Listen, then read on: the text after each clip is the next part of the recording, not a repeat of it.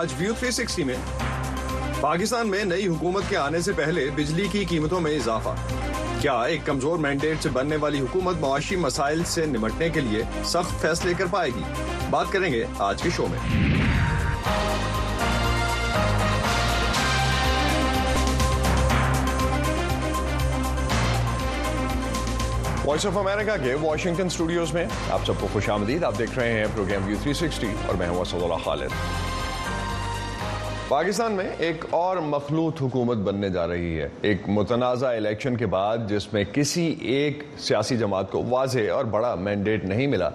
نہ صرف ملک کے اندر بلکہ باہر سے بھی یہ سوال کیا جا رہا ہے کہ کیا نئی حکومت ایسے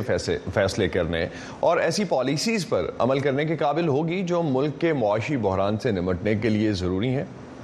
اپریل میں آئی ایم ایف کے ساتھ موجودہ پروگرام کی مدت ختم ہو رہی ہے جس کے بعد پاکستان کو ایک نئے پروگرام کے لیے عالمی ادارے سے مذاکرات کرنا ہوں گے اس سلسلے میں نو منتخب حکومت کی صلاحیت کے بارے میں عالمی کریڈٹ ریٹنگ ایجنسی موڈیز کے مطابق صورتحال بہت غیر یقینی ہے موڈیز نے ایسے خدشات کا بھی اظہار کیا ہے کہ نئی مخلوط حکومت شاید مشکل معاشی اصلاحات متعارف کروانے میں مؤثر ثابت نہ ہو سکے جو کہ نئے آئی ایم ایف پروگرام کے لیے اہم ہوں گی موڈیز کی رپورٹ میں پاکستان کے کم زر مبادلہ کے ذخائر کا بھی ذکر ہے جس کی وجہ سے پاکستان کے لیے درمیانی مدت میں بیرونی فائنینسنگ کی ضروریات کو پورا کرنا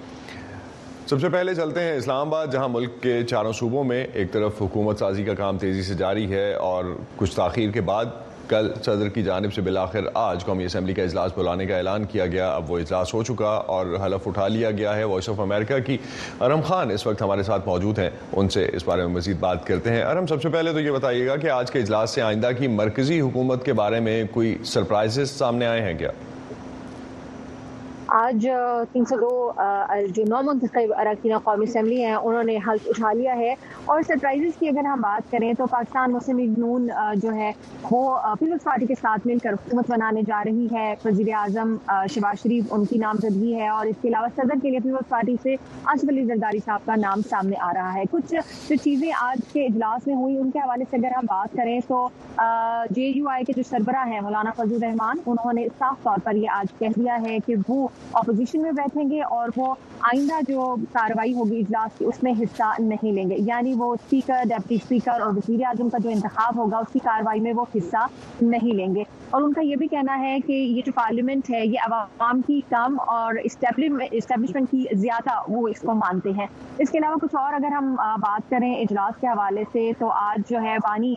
پی ٹی آئی عمران خان ان کے فیس ماسک پہن کے جو پی ٹی آئی کے جو انڈیپینڈنٹ کینڈیڈیٹس تھے جس نے کاؤنسل کے پلیٹ فارم سے پارلیمنٹ کا حصہ بنے ہیں وہ وہاں پر آئے تھے نعرے بازی تو ہمیشہ سے ہوتی ہے لیکن یہ ایک انیوژل چیز تھی کہ فیس ماسک جو ہیں وہ عمران خان کے پہن کے وہ وہاں پر موجود تھے اس کے علاوہ ایک اور جو چیز ہم نے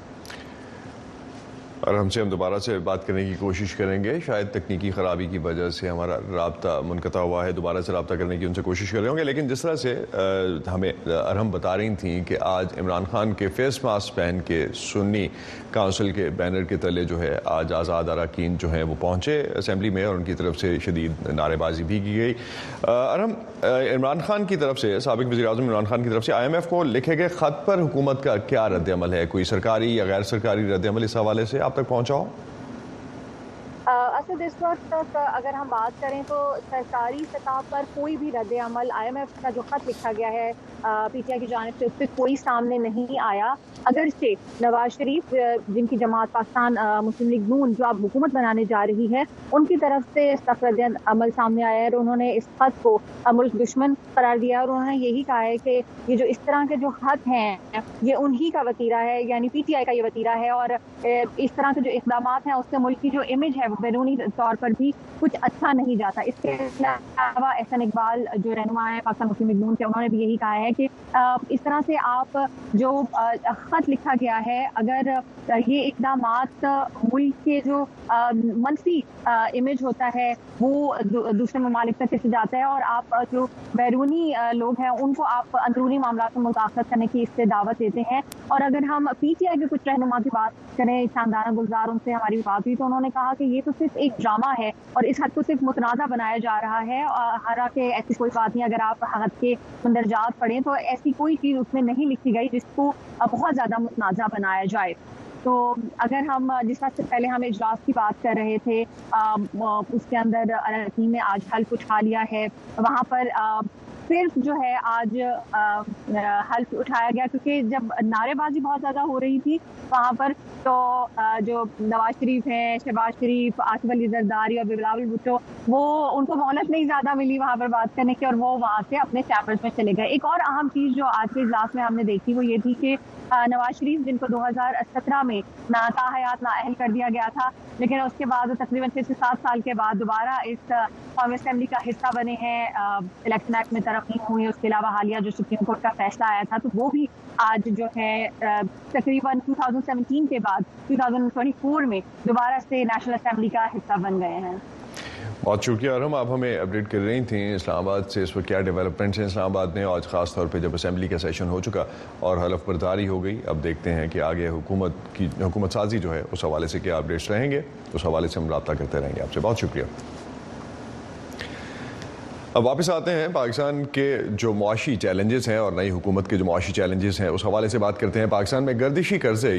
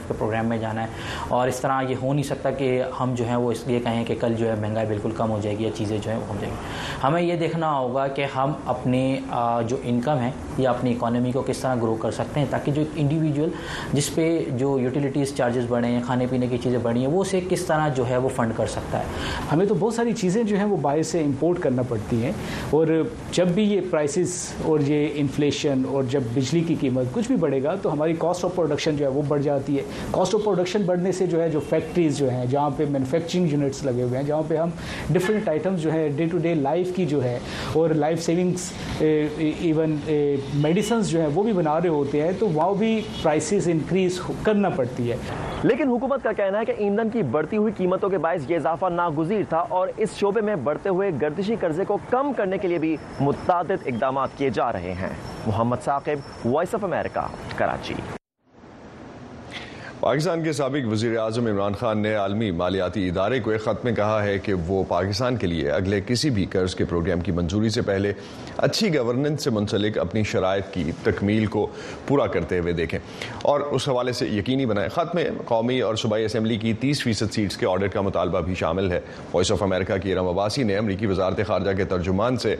عمران خان کے خط اور انتخابات میں دھاندلی کے الزامات کی تحقیقات کرانے سے متعلق ان کا موقف جاننے کی کوشش کی میں آئی ایم ایف کے حوالے سے صرف اتنا کہوں گا کہ ہم قرضوں اور بین الاقوامی فنانسنگ کے چکر سے آزاد ہونے کے لیے پاکستان کی کوششوں کی حمایت کرتے ہیں طویل المدت بنیادوں پر پاکستان کے استحکام کے لیے اس کی حکومت یا معیشت کی صحت اہم ہے پاکستان کی نئی حکومت کو فوری طور پر معاشی صورتحال کو ترجیح دینی چاہیے کیونکہ آئندہ کچھ ماہ میں اس کی پالیسیاں پاکستانیوں کے لیے معاشی استحکام کو برقرار رکھنے کے لیے انتہائی اہم ہوں گی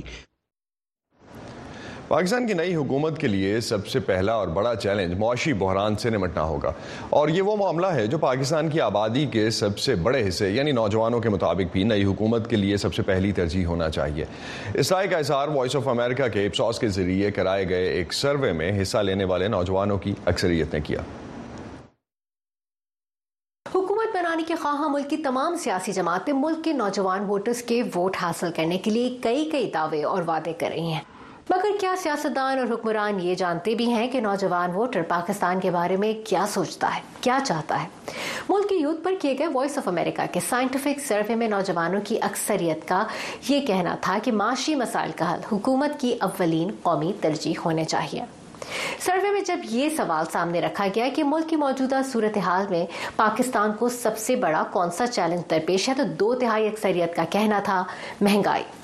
اس میں کچھ شک نہیں کہ گزشتہ چند سالوں میں ملک میں مہنگائی کئی گنا بڑھی ہے جس سے شہریوں کی مشکلات میں اضافہ ہوا ہے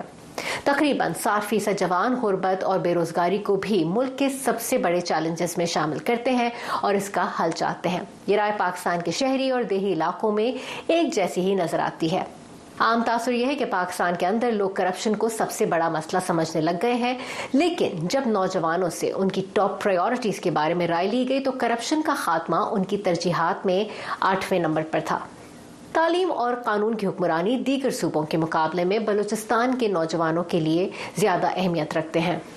اسی طرح معاشی اسٹیبلٹی سندھ کے نوجوانوں کے لیے دیگر صوبوں کے مقابلے میں زیادہ اہم ہے ہر پانچ میں ایک نوجوان ملک کے انفراسٹرکچر میں بھی بہتری چاہتا ہے سیاست میں فوج کی مداخلت جبری گمشدگیاں دہشت گردی انتہا پسندی خراب سفارتی تعلقات بڑھتی آبادی کلائمیٹ چینج جیسے مسائل موجودہ صورتحال میں نوجوانوں کے نزدیک کوئی زیادہ بڑے چیلنجز نہیں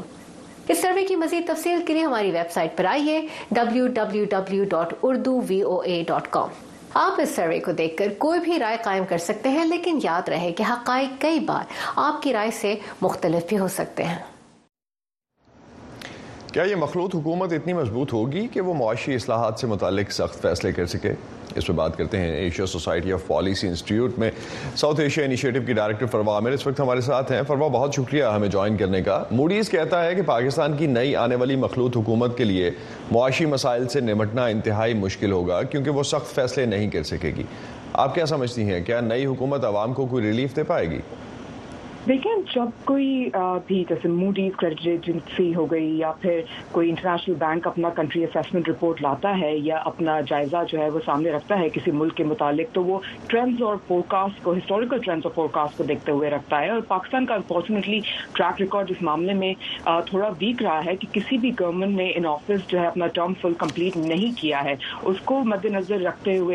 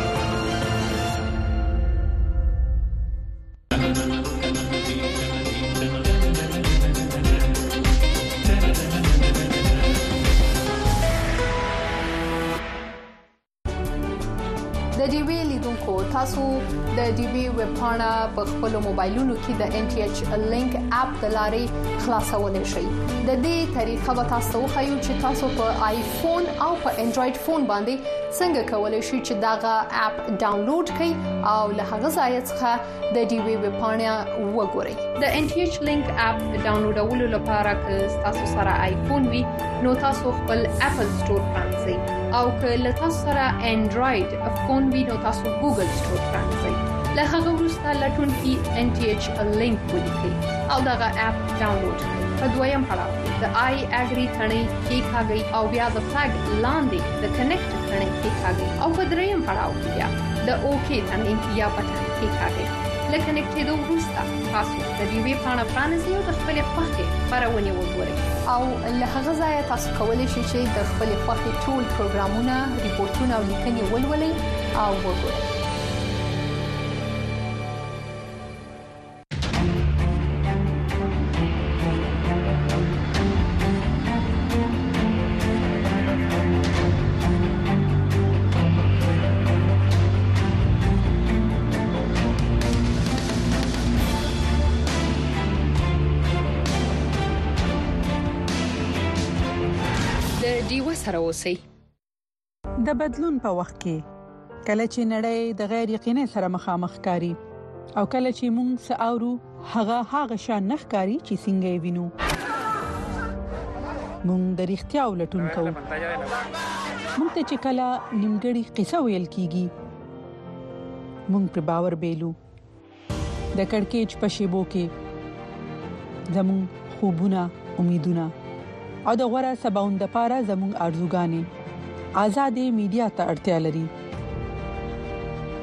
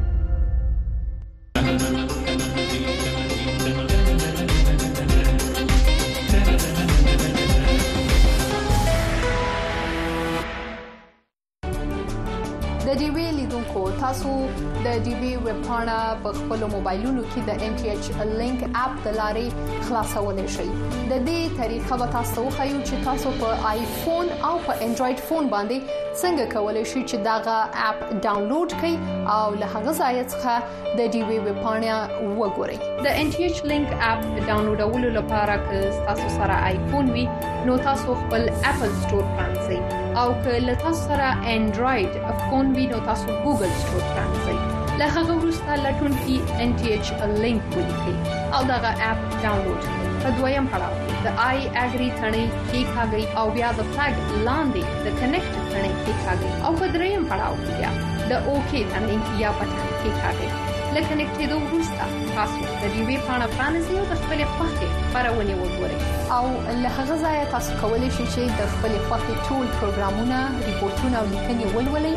او وګورئ.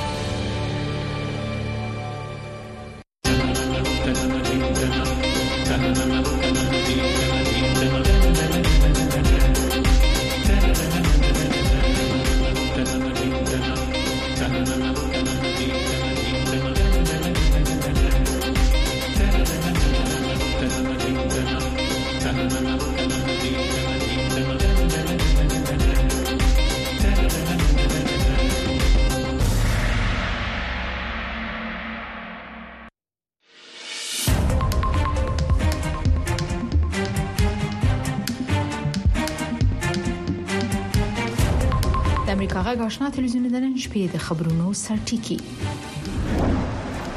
د طالبانو او امریکا ترمنځ د دوه د تړون څلورمه کلیزه د دې تړون د عملي کولو لپاره نړیوالې هڅې او پرلارې بیلابیل خندونه څیړو د دوه د تړون په اړه د جنرال ډیوډ پټریس سره د امریکا غږ ځنګړي مرکه په افغانستان کې د امریکایي او ناتو ځواکونو په خوانی قومندان د دوه تړون یو ناسم تړون بولی چې په قول یې طالبانو د تړون په خلاف القاعده ته ځای ورکړی او په افغانستان کې د ترهګرۍ ګواښ مخ په زیاتېدو دی او د جرمني کرکټ ملي لوبډله کې د زیات شمیر افغانو کډوالو ګډون دا ځوانان وایي غواړي له خپل وطن دغه راوړي نیمګړي هله حل ته پوره کی هله د خبرونې تر پای مو سره اوسئ قدرمنو لیدونکو سلام نن پنځشنبه ده د کب لسمه نیټه او د 2023م کال د فبرवरी 9مه زه خایسته سعادت لامه یم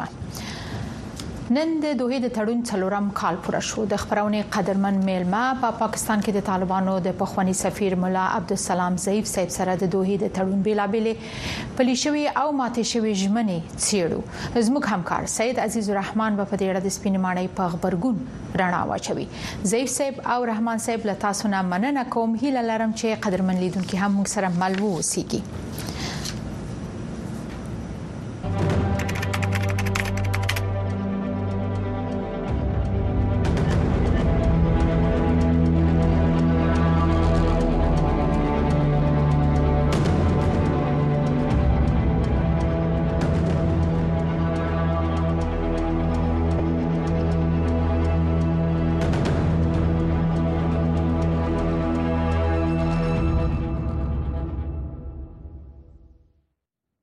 تاسو د امریکا غږ آشنا ټلویزیون پښتو خبری خبرونه ګورئ د امریکا د متحده ایالاتونو او د طالبانو ترمنځ د دوه تړون د څلور کلنې په درشل کې سپینه ماڼۍ وایي چې د دې تړون لاسلیک طالبان پیاوړي کړي او د واشنگټن ملګری کمزوري کړي دي د واشنگټن او طالبانو ترمنځ دا تړون لنن څخه څلور کاله مخکې د قطر په پلازمینه دوه کې د دوه خو او د استادو ترمنځ لاسلیک شو په ورته وخت کې د طالبانو حکومت یو ځل بیا واشنگټن د دې تړون څخه په سرغړونې تورن کړی دی په دې تړاو مې همکار سید عزیز رحمان د سپینې ماڼۍ څخه را سره مل دی چې ورته خراغلاست وایم عزیز جان بیا هم ستړی مشه د دوه د تړون په اړه د سپینې ماڼۍ د دریز نور جزئیات کزمو قدرمنو لیدونکو ته واضح کړئ خسته جانې د سپینې ماڼۍ یا د جمهور رئیس بایډن د حکومت دریځ د دغه تړون په تړاو له اولې ورځې څخه روښانه و او واضح و او سپینه ماڼۍ دا موقف یو ځل بیا تکرار کړی دی او ویلي دي چې دغه تړون د جمهور رئیس ډونالد ټرمپ لخوا دوی ته په داسې حال کې په میراث پاتې شو چې د افغانستان څخه د امریکایي سرتیرو د ایستلو په تړاو کوم څرګند پلان یا کومه روښانه لار موجوده نه و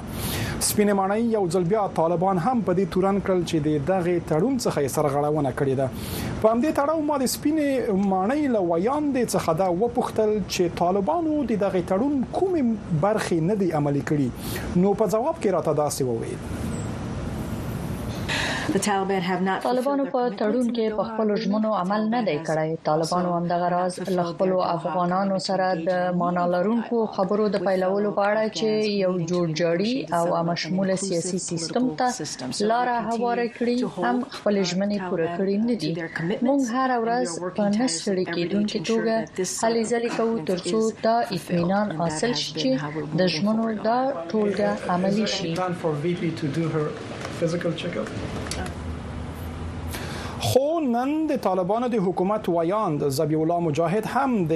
دغه تړون د څلورم کال په تړاو ځینې څرګندونې درلودې او دغه ښاغلي مجاهد په خپل خبرو کې ده ویلي دي چې متحده ایالتونو هم ځینې ځینې سرغړونې له دې تړون څخه کړې دي د ذبیح الله مجاهد په وینا د امریکایانو لخوا دا ژمنه شوې و چې باید چې باید د افغانستان سره تعامل په عادي ډول وي باید ښه روابط ولري د افغانستان په آبادۍ کې به برخه ولري او د افغانستان د پرمختګ مخه به ونه نیسي خو د خاغلی مجاهد په وینا داسې ونه شول لیکن د طالبانو ویاند دا خبره هم کړې ده چې د دوه تړون یو ستر بری دی ځکه د په وینا دغه تړون د دې لامل شو چې اشغالګر له افغانستان څخه د باندې شي د وینې توهید بهیدلو بهیر پای ته ورسیږي او په افغانستان کې یو سرتاسري ثبات ټینګ شي کایسه جان ډیره زیاته مننه کوم عزیز جان له تاسو نه بریالي اوسئ بیا به هم په تماس کې اوسو د دوه د تړون د څلور کلنې په درشل کې په افغانستان کې د امریکا او ناتو ځواکونو په خواني قومندان جنرال ډیوډ پټریس د امریکا غاک سره په ځانګړي مرکه کې ویلي چې دا یو نم ناسم تړون و چې پایلې ډېر غمجنې زړه بوګنونکې او ویجاړونکې وي کاغلی پټریس په کابل کې د القاعده ډلې د مشر ایمن الظواهري وژل کېدو ته په اشاره وویل چې طالبانو د دوه د تړون خلاف القاعده ته ځای ورکړی او په افغانستان کې د ترهګرۍ ګواښ په لوړه کچه کې دی د دوه د تړون د لاسلیک څلور کاله پوره شول په ټوله کې دې تړون او پایلو ته په کومه سترګه ګورئ؟ فکر کوم د دوحي تړون ډیر غیر عاقلانه تړون وو او د تړون د پلي کولو پایلې غمجنې، زړه بوږنوونکې او ویجاړوونکې وې. د بیلابیلو اړخونو څخه که د افغانستان اوسني وضعیت ته وکتل شي، اقتصاد سقوط کړی، د نیمایي څخه زیات خلک د سخت وضعیت سره مخامخ دي، خوړو، سرپناه او داسې نورو شیانو ته اړتیا لري. تر ټولو مهم افغانستان ته د القاعدې ډلې د مشر ستنیدلو. د القاعده ډلې مشر د جمهوري ماڼۍ څخه څو کوڅې لرې د کابل ښار په مرکز کې وموندل شو د دوه په تړون کې ژمنه شوې و چې القاعده ډلې ته به د افغانستان په خاور کې ځای نه ورکړي په حقیقت کې اوس هلته نور ډلې هم شته لکه د اسلامي دولت خراسان ډله چې تاسو پوهیږئ په افغانستان او پاکستان کې فعالیت لري او پټ ځایونه یې جوړ کړي دي د هیواد نیمایي وګړي د دې اجازه نه لري چې په لیسو او پانتونونو کې زده کړې وکړي خزه په بامفهومه توګه په اقتصاد کې ونډه نه لري د نارینه نه پرته به هر تل نشي فکر کوم د دوه د تړون پایلې په هر برخه کې ناهیلي کوونکې وي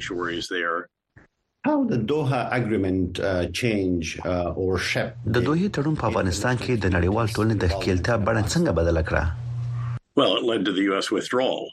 د دوحې تړون د امریکایي ځواکونو د وتلو لامل شو او کله چې د متحده ایالاتو او د پوځ چارواکو ویل چې خپل ځواکونه وباسي د ایتلاف ځواکونه هم باید وتلی وي هغه نشو کولای چې پاتې شوی وي ځکه اساس متحده ایالاتو جوړ کړو او ول زره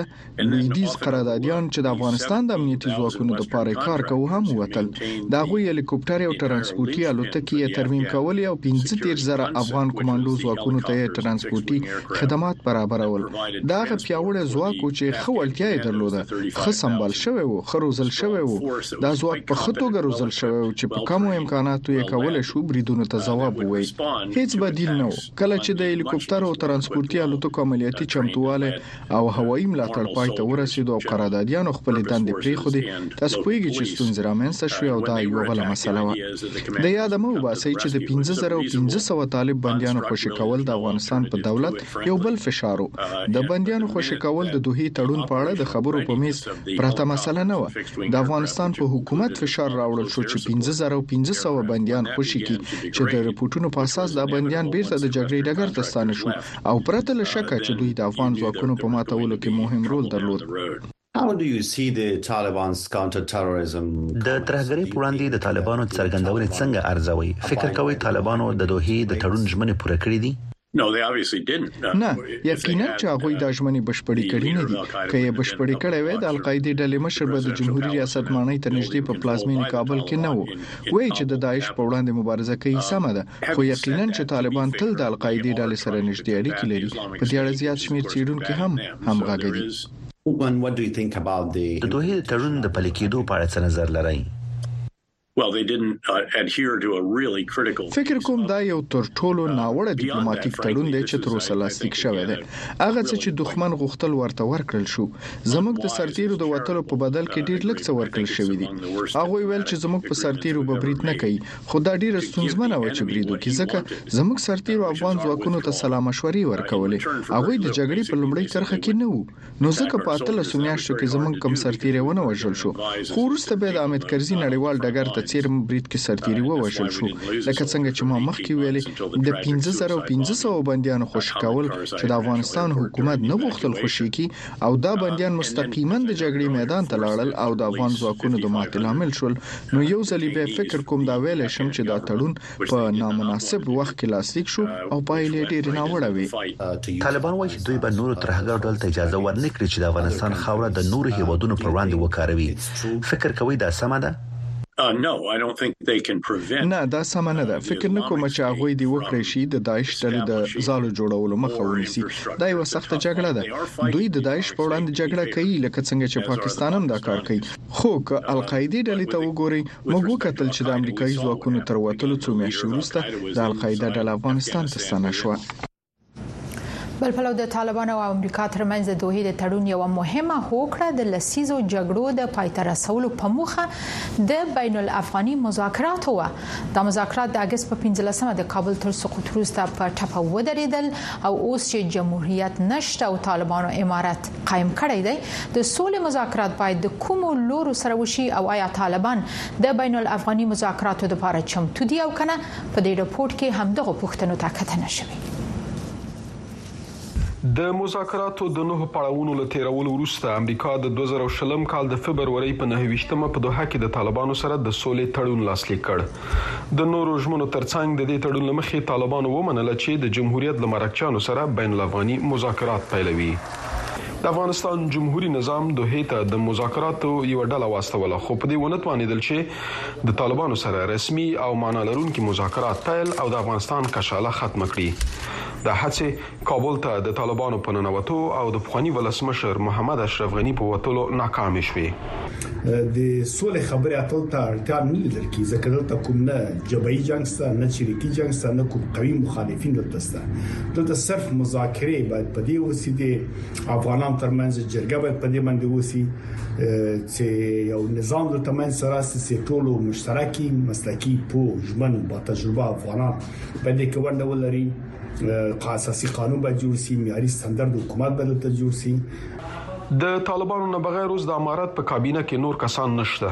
د ګوندونو فعالیت درول شوی خځې د کار او نجونې له تعلیم نه محروم دي او د مقاومت په نوم یو شمېر ډلو د طالبانو پر وړاندې خپل غلچکیو بریدونو او رسنیزو فعالیتونو ته زور ورکړی دی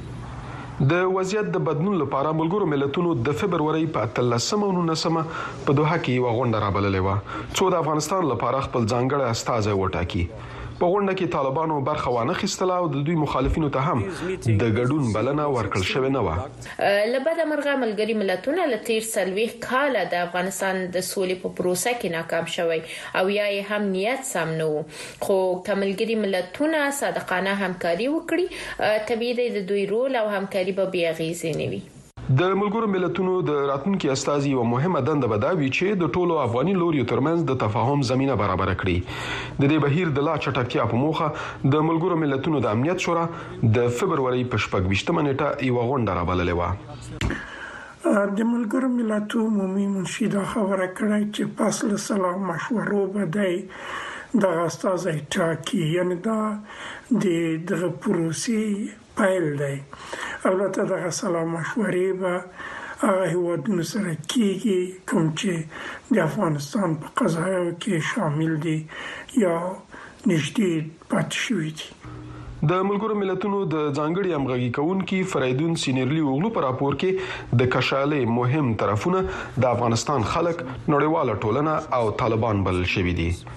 د طالبانو د حکومت ویاند ذبیح الله مجاهد د افغانستان د راډیو سره د یوې مرکې په ترڅ کې ویلي چې په سیمه ییزو او نړیوالو غونډو کې چې هر ډول پریکړه د دوی پر خلاف وي نه عملي کیږي. هر فیصله ای که در مورد افغانستان می شود یا صورت می گیرد اگر برخلاف منافع مردم افغانستان بود و یا امارت اسلامی افغانستان او را مخالف دانست از ارزش ها و همچنان منافع مردم ما طبیعی است که او اثر عملی نداره و عملی نخواهد شد و اگر نشد فقط به خاطر حمایت افغانستان و مردم افغانستان باشه به خصوص در راستای دیپلماتیک یک گام پیشرفت باشه امارت اسلامی از او قدردانی خواهد کرد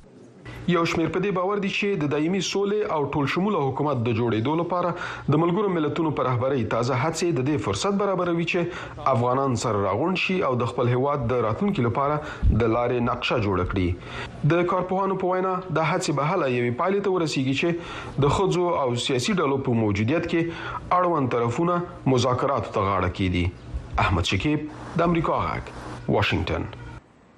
په دوحه کې د ملګرو ملتونو په کوربتوب د وروستۍ دوه ورځنۍ غونډې تر ټولو مهمه موخه هم دا و چې د دوحې د تړون د ژمنو پر عملي کېدلو باندې ټینګار وشي دا چې د دې تړون کومې ژمنې عملي شوي او کومې باید پلي شي د خبرونې قدرمن میلمه په پا پاکستان کې د طالبانو په خوانی سفیر عبدالسلام زیف صاحب سره خبرې کوو زیف صاحب ستړي مشه ډیره مننه کوم له تاسو نه چې مهرباني مو وکړه اول ستاسو غبرګون د سپینه ماڼۍ د ویاندې خبرو ته غواړم چې وای د دوه تړون افغان حکومت کمزوري کړ او طالبان پیاوړي کړل د دې نه پرته د دوی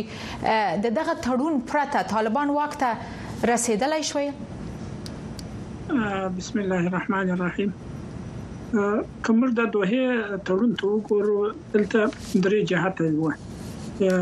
یو جهت دا دی چې طالبان او بل جهت امریکا او د امریکا او د طالبان ترمنځ د تړون دوه دوه هدف و د دوی د پاره د امریکایانو د پاره یو دا چې افغانستان به د دوی په ضد باندې یا د بل چا په ضد باندې افغانستان ځکه نه کارول کیږي او دویم دا چې د وټولو په وخت یو بل د امریکا په عسکرو یا په قوتونو باندې حمله نه کیږي مناسب زما زما پښتنه بل څه و زما پښتنه دا و چې اکثر شک کوي چې کدا تړون نه وای لاسلیک شوی طالبانو ته د واک د رسیدو امکان نه و تاسو دې ته په سترګه ګورئ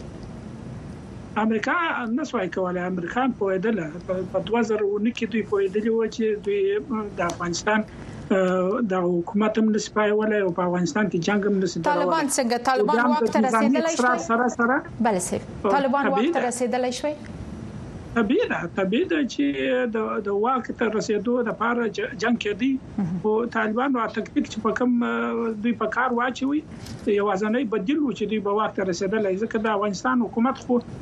امریکا نه دي تشویق کړي چې د دوی سره جنګ ونه کړي خو نه سوی کولای د امریکا د بمبار او د جنګ سره سره حکومت سقوط وکړي او هغه حکومت چې دوی تجهیزات ورته برابر کړي او د امکاناتو برابر کړي او روزلي هم و نو طبیعي دی چې طالبان قدرت ته رسیدل خو دا چې په کوم لار به رسیدل دا به نو فرق ښه ښه ملا صاحب ضعیف طالبان ولې غواړي د دوه د تړون نه اوس پیس پکې کی آیا د دې د خاطر چې واک تر لاسه کړي خلک پوښتي چې د طالبانو ژمنې یوازې واک ته د رسیدو لپاره وي او غوښتلي افغانانو او نړۍ ته دوکه ورکي او که په واقعا یې غوښتل چې دغه ژمنې چې کړې دي پر ځای کی که داسې وي اعتبار او اخلاقی اړخ ته یې زیان نه رسوي ستاسو په نظر هر وخت هغه وخت د طالبانو موقف دا و چې د افغانستان په داخلي چارو کې دوی نه امریکا ته نه بل چاته د مداخله اجازه ورکړي او متاسفانه چې د امریکا ناکامي د دوه په قرارداد کې تر ټولو دا و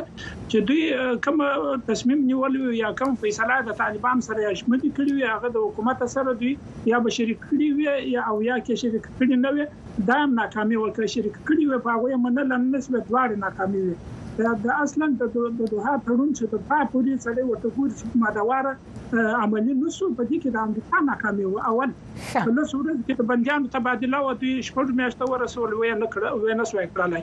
او په درو میاشت کې بیا د مذاکراتو نتیجه راوتلې او نه اشرف غنی دوی ته د تقانې کې او نه د داس خلک راولې ځل مذاکراتو چې هغه صلاحيت ولري چې د تصمیم او د پریکړې واک ورسره نو دا موضوع دوی ځندوله ځندوله ترڅو چې امریکایان په خپل هغه وخت کې پرس ووتل دا ملامتي د دوی د طالبانو نه ښه ډیره مننه طالبانو چې نه دی منلې او دا ژمنې نه دی پر ځای کړې ځینې هیوادونه د طالبانو په وړاندې دی و ډیر سخت میکانیزم د جوړولو خبره کوي او ځینې نور د طالبانو سره نرم دریز غواړي ځکه په هغه صورت کې به اثرات بل اخره د طالبانو پر ځای د افغانستان پر خلکو وي د سخت میکانیزم دپاره به د طالبانو غبرګون څه وي او ستاسو ارزونه پرته له دې چې د طالبانو پلوي وکړئ صیب؟ زه فکر کوم ملل متحد باید خپله بې طرفي وساتي او امریکا باید د هغه څه تجربه واخلي چې شل کاله یې د افغانستان ناورین ته دوام ورکړ او بې نتیجې شوله او په شرمونو وشرمېده په دنیا کې چې کوم حالت دوی تر امن کې تر اوسه پورې په خپل ځان باندې په خپل اعتراض کوي جنرالان پر ځای د دې چې په افغانستان باندې په افغانان باندې اعتراض کوي دوی باید په ځان باندې اعتراض وکړي دا څنګه حالت په درد نه وي زه د خپل د یو افغان په حیث باندې د دې طرفدار یم چې نرم دریز نرم دریز او معقولیت مخته ولاړ سي او دا حالت قرار قرار په دښمنۍ باندې نه په دوستي باندې چې ځکه زما ته چې څنګه معلومیږي د طالبانو د ملل متحد د موقف سره د امریکا د موقف سره دوی ته داسې انتباه ورکول کیږي چې تر اوسه دوی په دښمنۍ کې روان دي او په نظامی ډګر کې ناکام شو په سیاسي ډګر کې د انتقام اخلي بله ځواب مې واخیست ډیره مننه یو لنډه پښتنه لنډ ځواب د طالبانو د کابینه ټول غړي د دوی د غورځنګ خلک او بیا شیخان مولویان او ملایان دي په ټوله کابینه کې یو خزه هم نشته ملا صاحب خو خپل حکومت ټول شموله غني دا حکومت چې حتی بشپړ ټول شموله هم نه دی تاسو او تاسو په څیر شخصیتونو ته حتی پکې ځای نه ورکوي ولی تر اوسه سرپرست پاتې دی دا سوال نو د دوی سو کې مکر زه فکر کوم چې د افغانستان حکومت د سرپرستی د حالت څخه باید راوځي د یو افغان په حیث باندې زه د دې طرفدار نه یم چې په خواني هغه دړماران وو هغه واکمنان چې د افغانستان په د اشغال سره کومک کړي د امریکایانو سره کومک کړي هغه د بیت په واکه راسي مګر د افغانستان خلک مصلح خلک نیک خلک مسلکي خلک باید په حکومت کې راسي بله. او حکومت داسې حکومت جوړ شي چې د افغانستان خلک دا فکر وکړي دا په زړه کې دا غوي په زړه ته تیر شي دا حکومت د دوی حکومت دی خپل بقا او سرلوړي دغه حکومت ضروري خوشاله اوسې ډیره زیاته مننه کوم لتا سونه ملاسب ضعیف کور ودان تر دې وړاندې څلور کاله مخکې په همدې ورځ په افغانستان کې د جګړې د پای ته رسولو او سولې ته په مخه د امریکا او طالبانو ترمنځ د قطر په پلازمینه دوه کې یو تړون لاسلیک شو چې لمخې طالبان واک ته ورسېدل افغان میرمنې دغه تړون ته په کومه سترګه ګوري پام کوي دغه رپورت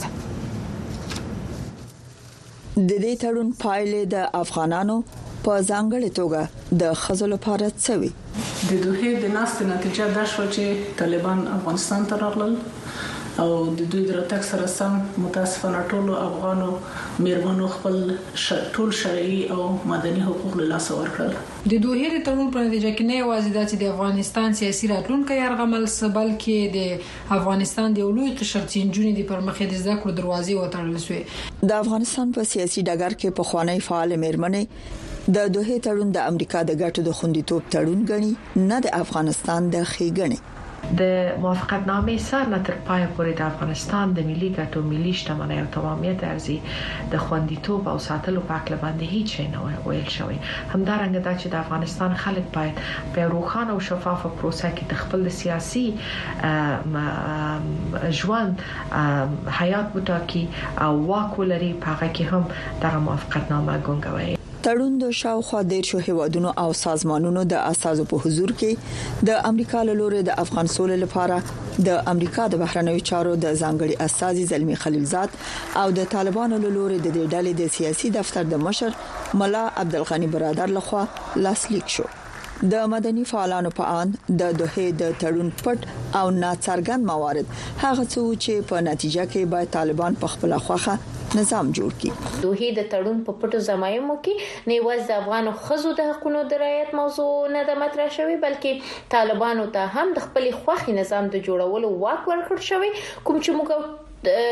تاسو یې ټوله په خپلو سترګو وینو. د دوحې تړون چې نتیجه یې د ټولنې نه د افغان خزو ګوښه کول او نور موارد دي نه یوازې افغانان بلکې یو شمېر امریکایانو ته هم د منلو نه دي په ټوله کې موږ پوهیږو چې دا یو تر ټولو ناوړه تړون و چې متحده ایالاتو یې په اړه مذاکرات وکړل او لاسلیک کړ زه په دې باور یم چې دا تړون باید په رسمي توګه لغوه شي په بل معنا موږ یې باید سری کړو د دوحې د تړون د څلور کاله پوره کېدو سره سم د سپینې ماڼۍ ویاند ژان پیر په تازه بیان کې ویلي چې طالبانو د تړون لمخې په خپل ژمنو عمل نه دی کړی طالبانو همدغه راز له خپل افغانانو سره د معنا لرونکو خبرو د پیلولو په اړه چې یو جوړجاړي او ټول شموله سیاسي سیستم ته لار اواره کی هم خپل ژمنه پوره کړی نه دي طالبانو همدغه راز تر شپږم ټولګي پورته د نجونو په زده کړو کار فعالیت او نور مشارکت باندې بندیزونه لګولې دي امریکا او نړیواله ټولنه دا بندیزونه غندي او له طالبانو یې د لری کېدو غوښتنه کوي خو طالبانو لا تر اوسه د نړیوالو دغه غوښتنو ته جواب نه دی ویلي نو شاباشنا امریکا غاک واشنگټن نړیوالو مسایل ترازو د اتریش د بهرنیو چارو وزیر نن له اسرایل او د لبنان د حزب الله وسله والې ډلې څخه غوښتل چې د اسرایل او لبنان د پولې په اوګدو کې د شخړو د لازیاتوالي مخنیوي وکړي هغه د مارچ په میاشت کې د مسلمانانو د روزې د میاشتې د پیل په وخت کې په غزه کې د جګړې د بندیدو هیله هم څرګنده کړه الکساندر شلنبرګ په بیروت کې د خپل لبناني سیال سره لیدنې وروسته ویل نړیوال په منځني ختیځ کې لا د وخت دی ویجاړتیا ظلم شاهدان دي بل پلو د غزي روغتياي چارواکي وایي چې نن سهار د غزي ښار کې د بشري مرستو په تمه د فلسطینیانو په ګڼه ګونه باندې برید شوی چې لږ تر لږه او یا کسان وژل شوی چې د اسرایل او حماس د جګړې د پیل راهیسې د مړو شمیر اوس ل دې شو زرو نه هم اوخته دی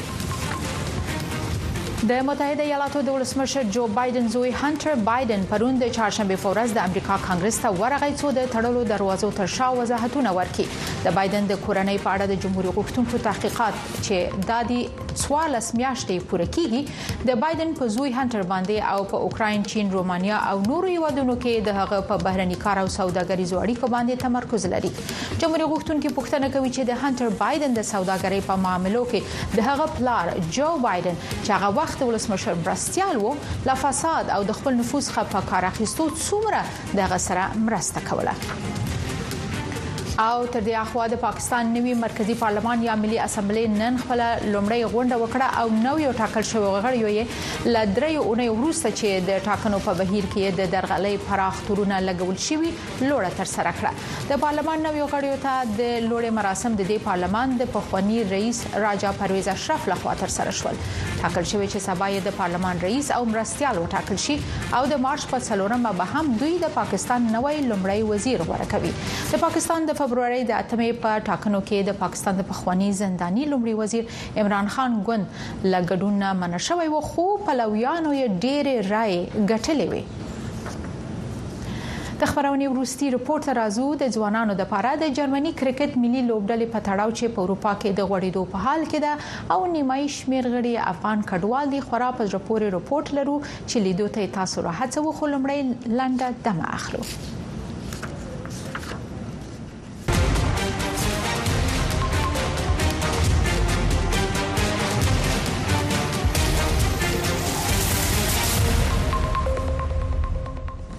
د ژمنې سره سم ځو جرمني ته د جرمني کرکټ ملي لوبډله چې په اروپا کې د غوړیدو په حال کې ده نیمایي شمیر غړي افغان کډوال دي چې